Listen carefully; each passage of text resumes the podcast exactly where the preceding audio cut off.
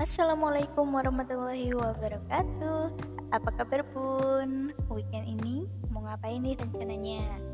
Aduh berhubung lagi pandemi kayak gini Alangkah baiknya kalau kita di rumah aja dulu ya Patuhi protokol kesehatan yang ada Dan jangan lupa bahagia Oke ketemu lagi kita di podcast aku Apa kabar bun? Hari ini kita akan membahas tentang apa ya? Bunda versus mertua. Wow. Atau kalau enggak uh, versus orang tua deh pokoknya itu. Oke okay. dalam hal mengurus-ngurus bayi nih ya bunda. Kita tuh kadang menemukan banyak sekali perbedaan antara cara mengurus masa kini dan cara mengurus bayi di masa lalu alias di masa orang tua kita atau mertua kita. Nah masalahnya nih di sini nih kadang bisa memercikkan suatu api. Kadang bisa menjadi hal yang bikin sepaneng gitu ya bikin apa ya memicu pertengkaran atau perdebatan gitu karena adanya perbedaan ini. Nah apakah bunda pernah mengalaminya? Pasti kayaknya pernah deh ya apalagi mungkin kalau bunda masih tinggal serumah bareng orang tua atau mertua gitu. Wah uh, kayaknya hal urus mengurus bayi ini bisa jadi ribet kalau kita tidak sejalan. Nah, kalau pengalamanku pribadi juga sama sih. kayaknya emang selalu ada perbedaan gitu, perbedaan-perbedaan yang kecil sampai yang mungkin agak mencolok ya. Contohnya aja, kayaknya perbedaan uh, bayi saat ini bayiku ya bayi saya itu nggak aku pakein gurita gitu. Nah itu ditanyain gitu sama mertua sama orang tua kok bayinya nggak dipakein gurita? gitu ya kan. Nah dijelasin deh ya kalau gurita itu sebenarnya kan nggak ada manfaatnya gitu. Dari penelitian sekarang itu malah tidak dianjurkan memakai gurita. Karena gurita itu kalau kita masangnya terlalu kencang ya bun itu bisa menekan diafragma bayi bisa malah menyebabkan dia sulit bernafas gitu. Tuh sebagai pengetahuan kita aja ya pengetahuan tambahan ya. Nah ada lagi nih membedong misalnya. Kalau orang tua zaman dulu tuh harus yang kakinya sampai lurus banget gitu ya pun padahal kalau ditelaah sekarang setelah ditemukan kembali apa ya kayaknya pendalaman ilmu tentang bedong membedong ini sebenarnya juga nggak boleh itu kaki terlalu lurus ya kan? Karena posisi kaki alami bayi itu ya kayak gitu nggak lurus-lurus banget gitu ada yang kayak nekuk-nekuk gitu kan ya. Nah begitu. Jadi jangan sampai diluruskan banget karena fungsinya dari gedong itu adalah sebenarnya buat menghangatkan bayi aja gitu bukan buat meluruskan kaki. Ini juga persepsi yang bertentangan sih antara mama mama milenial ya bunda-bunda milenial dengan emak-emak zaman dulu. Gitu. Kalau dulu kayaknya gedong bayi itu harus kakinya yang sampai lurus banget gitu ya. Malah kasihan kayaknya ya bayinya dipaksa-paksa kayak gitu. Nah itu juga bisa menimbulkan sedikit war. Udah gitu juga nggak? Atau apalagi nih bun? Cara gendong ya cara gendong. Aku sendiri juga yang kayak ditatap mana gitu waktu gendong si kecil tuh uh, dengan metode M shape ya. Karena sekarang sudah ditemukan apa ya pengembangan dari ilmu pengetahuan mungkin ya. Kalau metode gendong bayi yang benar tuh ya M shape itu apa kakinya membentuk huruf M dengan pantat uh, di bawah lutut gitu ya. Pakai geos gitu kan nah aku gitu tuh nerapin gendongan kayak gitu. Nah tetap aja itu ya itu kayaknya menjadi masalah yang yang apa ya bagi orang tua kita tuh kayak oh, gendongnya bayi kok kayak gitu sih? Gitu kan? Bayi umur segitu tuh belum boleh digendong kayak gitu gitu. Yang paling sering aku dengar sih komentar kayak gitu. Itu kakinya tuh belum boleh kayak gituin gitu. Padahal gendong M shape itu kan untuk mencegah displasia ini ya pinggul ya. Artinya biar bayi itu sesuai dengan apanya bun? Sesuai dengan ini. Aduh. Sesuai dengan bentuk alaminya gitu lah ya. Kayak gitu bentuk alaminya di dalam kandungan itu si bayi kayak gitu membentuk huruf M gitu kayak kata gitu. Dan dengan digendong M shape kita tuh jadi bondingnya ke bayi itu lebih lebih terasa gitu lebih nempel gitu kan di dada kita bisa kita cium kapan aja gitu loh dan kita juga bisa sambil ngapa-ngapain gitu ya kan kalau kita gendong pakai geos itu si kecil kita bisa sambil nyuci piring, nyuci nyuci baju, nyapu nyapu gitu. Jadi kena semua si bayi nggak rewel, kita kerjaan juga oke. Okay. Nah itu tuh kadang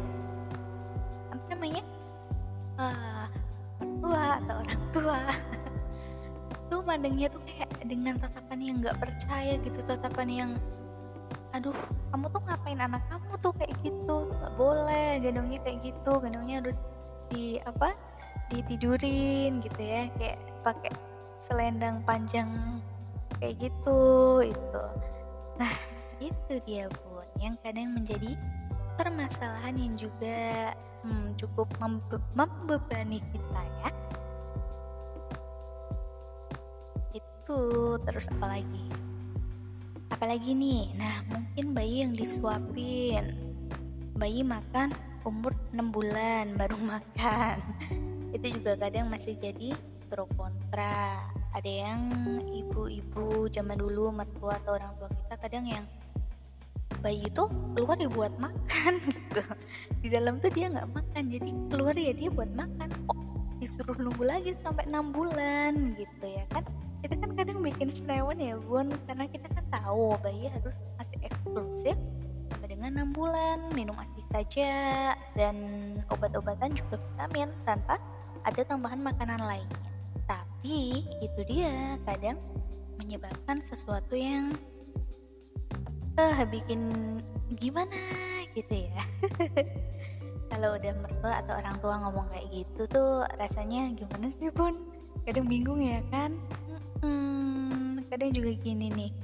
Kamu aja dulu ibu kasih makan umur baru lahir juga nggak apa-apa tuh buktinya kamu kan gede sampai sekarang gitu nah kan aduh kalau kayak gitu udah deh mau jawab apa buat kalau bunda punya jawaban apa coba untuk mengatasi mertua atau orang tua yang punya perbedaan pandang jauh dari kita ya oke okay.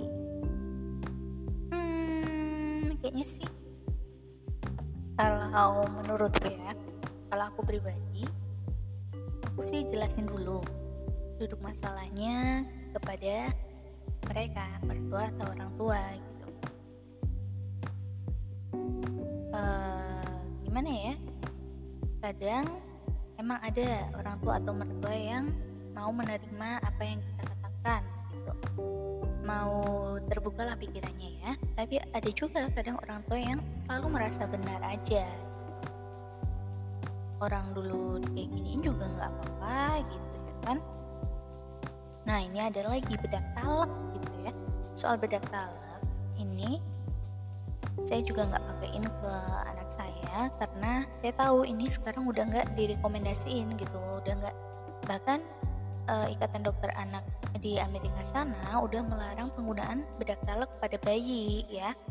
Bedak bedak yang bentuknya talak ini ini buat informasi aja sih bun. Kali aja ada bunda yang belum tahu ya. Ya pasti tapi bunda udah semuanya udah tahu ya kan? Bedak talak ini kenapa dilarang? Karena dia ternyata bisa mengganggu pernafasan apalagi kalau kita taburkan di wajah ya.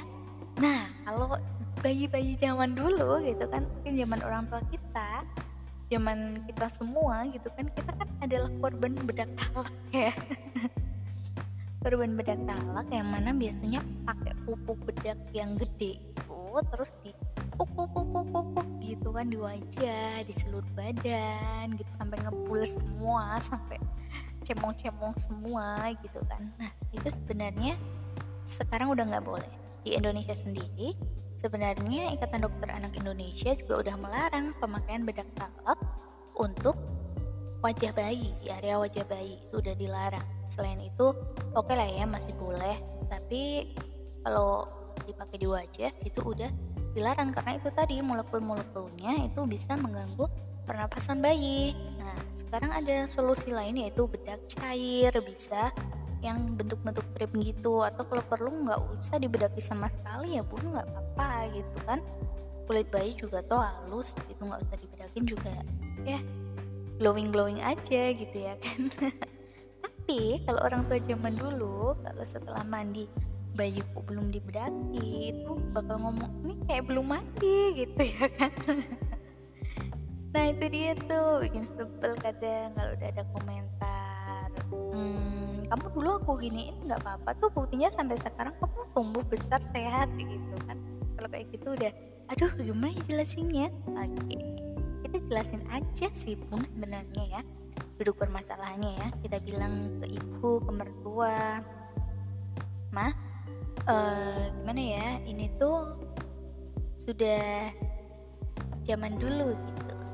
Ini sudah nggak berlaku lagi sekarang nggak relate lagi gitu karena sekarang tuh udah ada perkembangan ilmu lagi ilmu-ilmu tuh berkembang dinamis selalu bergerak jadi akan selalu ada pembaruan-pembaruan gitu. Yang tadinya mungkin ya iya dulu nggak apa-apa aku di apa aku di suapin mungkin ya pada umur segimana umur umur baru lahir terus disuapin gitu ya udah nggak apa-apa. Tapi karena sekarang udah ada uh, penelitian lain perkembangan baru lagi dari para ilmuwan bahwa lebih baik bayi itu nunggu dulu sampai enam bulan baru boleh disuapin.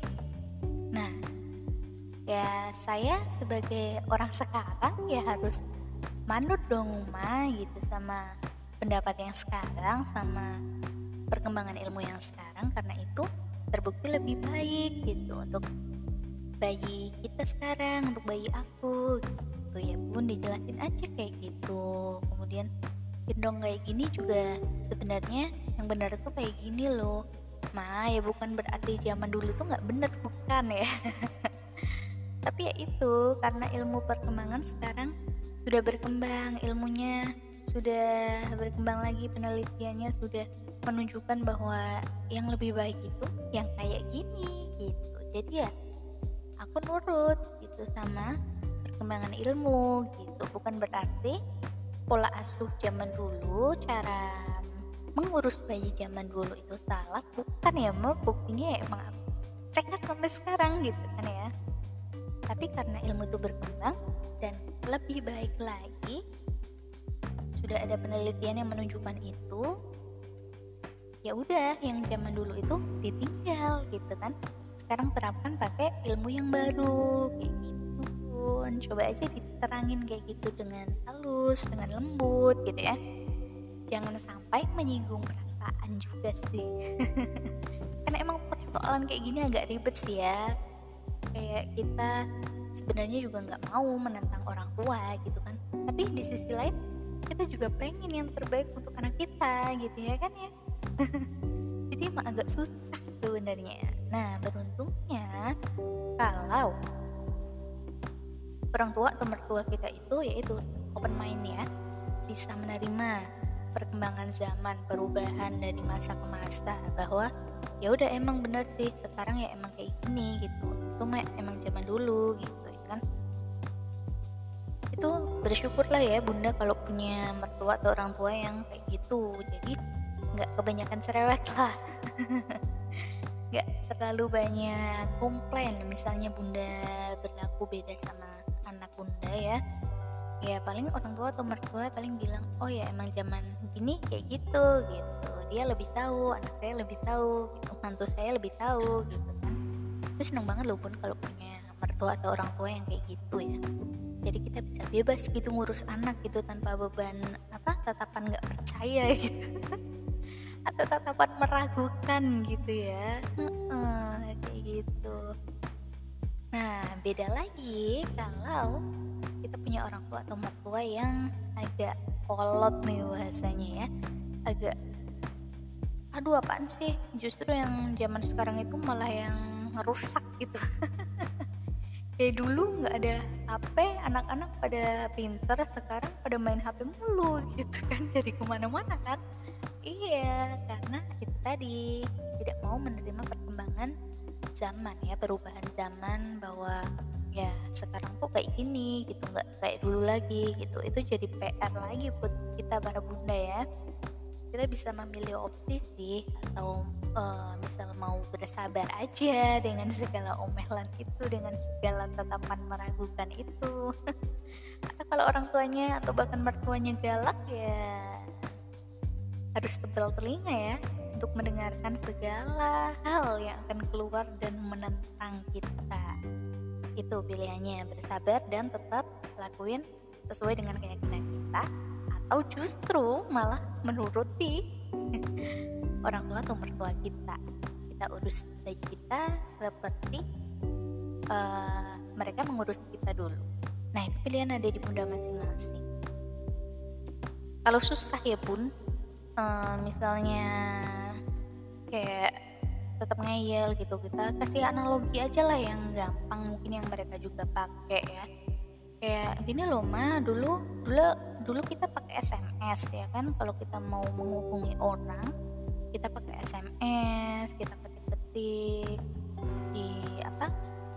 Di pesan gitu ya pakai SMS ya nggak apa-apa emang sampai emang sampai dan baca dan maksudnya tersampaikan emang ya. Tapi sekarang perkembangan zaman kita udah nggak pakai SMS lagi kan mah kita udah ada WhatsApp udah ada Line Telegram dan lain-lain yang lebih cepat lebih canggih gitu dan lebih baik tentunya daripada SMS jadi pelan-pelan kita tinggalin kan itu fitur SMS di dalam ponsel kita ganti dengan WA dengan aplikasi-aplikasi lainnya yang lebih support yang lebih mendukung lebih canggih.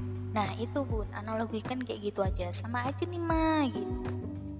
Emang dulu di bedong kakinya dilurusin ya nggak apa emang. Kita tumbuh-tumbuh aja kita baik-baik aja gitu. Tapi sekarang udah ditemukan penelitian bahwa sebenarnya bedong itu fungsinya cuma menghangatkan dan jangan sampai si bayi itu kakinya terlalu lurus gitu. Nah ini tuh lebih baik mas sama aja kayak SMS dan WA tadi gitu loh. Jadi ya sama aja gitu sebenarnya kan. Intinya perubahan zaman perkembangan kan perkembangan ilmu pengetahuan dan itu dia. Cara asuh apa ya cara urus bayi gitu. Cara urus bayi juga sama ada perkembangan perkembangannya nggak cuma teknologi semata gitu ya kan? Itu pun mungkin ya pelan-pelan ke orang tua atau mertuanya.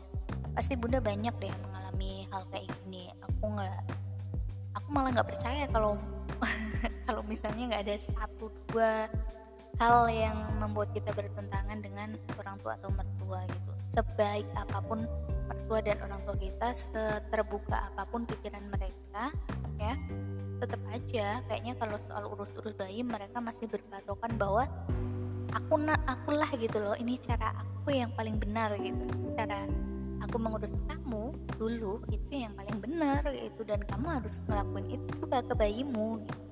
ya enggak iya pasti kayak gitu. Dan mungkin nantinya kita juga kelak kalau jadi orang tua bakal gitu nggak ya bun? Aku ada mikir gitu. Ya semoga jangan ya. Semoga kita juga menjadi orang tua yang open mind gitu. Nanti zaman anak kita punya anak itu bakal lebih mungkin akan ada perubahan-perubahan lagi juga sih gitu ya. Jadi ya itu deh. Itu bun. Gimana? Bunda setuju dengan solusinya tadi yaitu menjelaskan dengan pelan-pelan ke orang tua dan mertua kita? Atau menuruti apa yang mereka katakan? Tapi tentu saja sebagai orang tua kita juga ingin yang terbaik untuk anak kita. Sebagaimana mereka dulu juga ingin melakukan yang terbaik untuk kita. Ya kan? Kita jelasin aja juga kayak gitu. Ya maaf ya ma. Bukannya kita bukannya aku nggak mau apa mengurus si anakku seperti mama mengurus aku dulu gitu. Tapi aku juga pengen yang terbaik untuk anakku seperti mama pengen yang terbaik untuk aku gitu ya kan? Dan sekarang yang paling baik itu aku mengikuti cara asuh atau cara mengurus bayi yang sekarang karena aku sudah berpedoman pada ilmunya gitu aku udah punya ilmunya aku udah punya apa ya buktinya. Ada penelitian ada apa ya ya gitu pokoknya ilmu pengetahuannya gitu. Jadi ya please deh ya bukannya tidak menghormati kebiasaan mama zaman dulu atau gimana tapi emang saatnya sekarang sudah berubah. Itu pun katakan aja deh sebenarnya ya.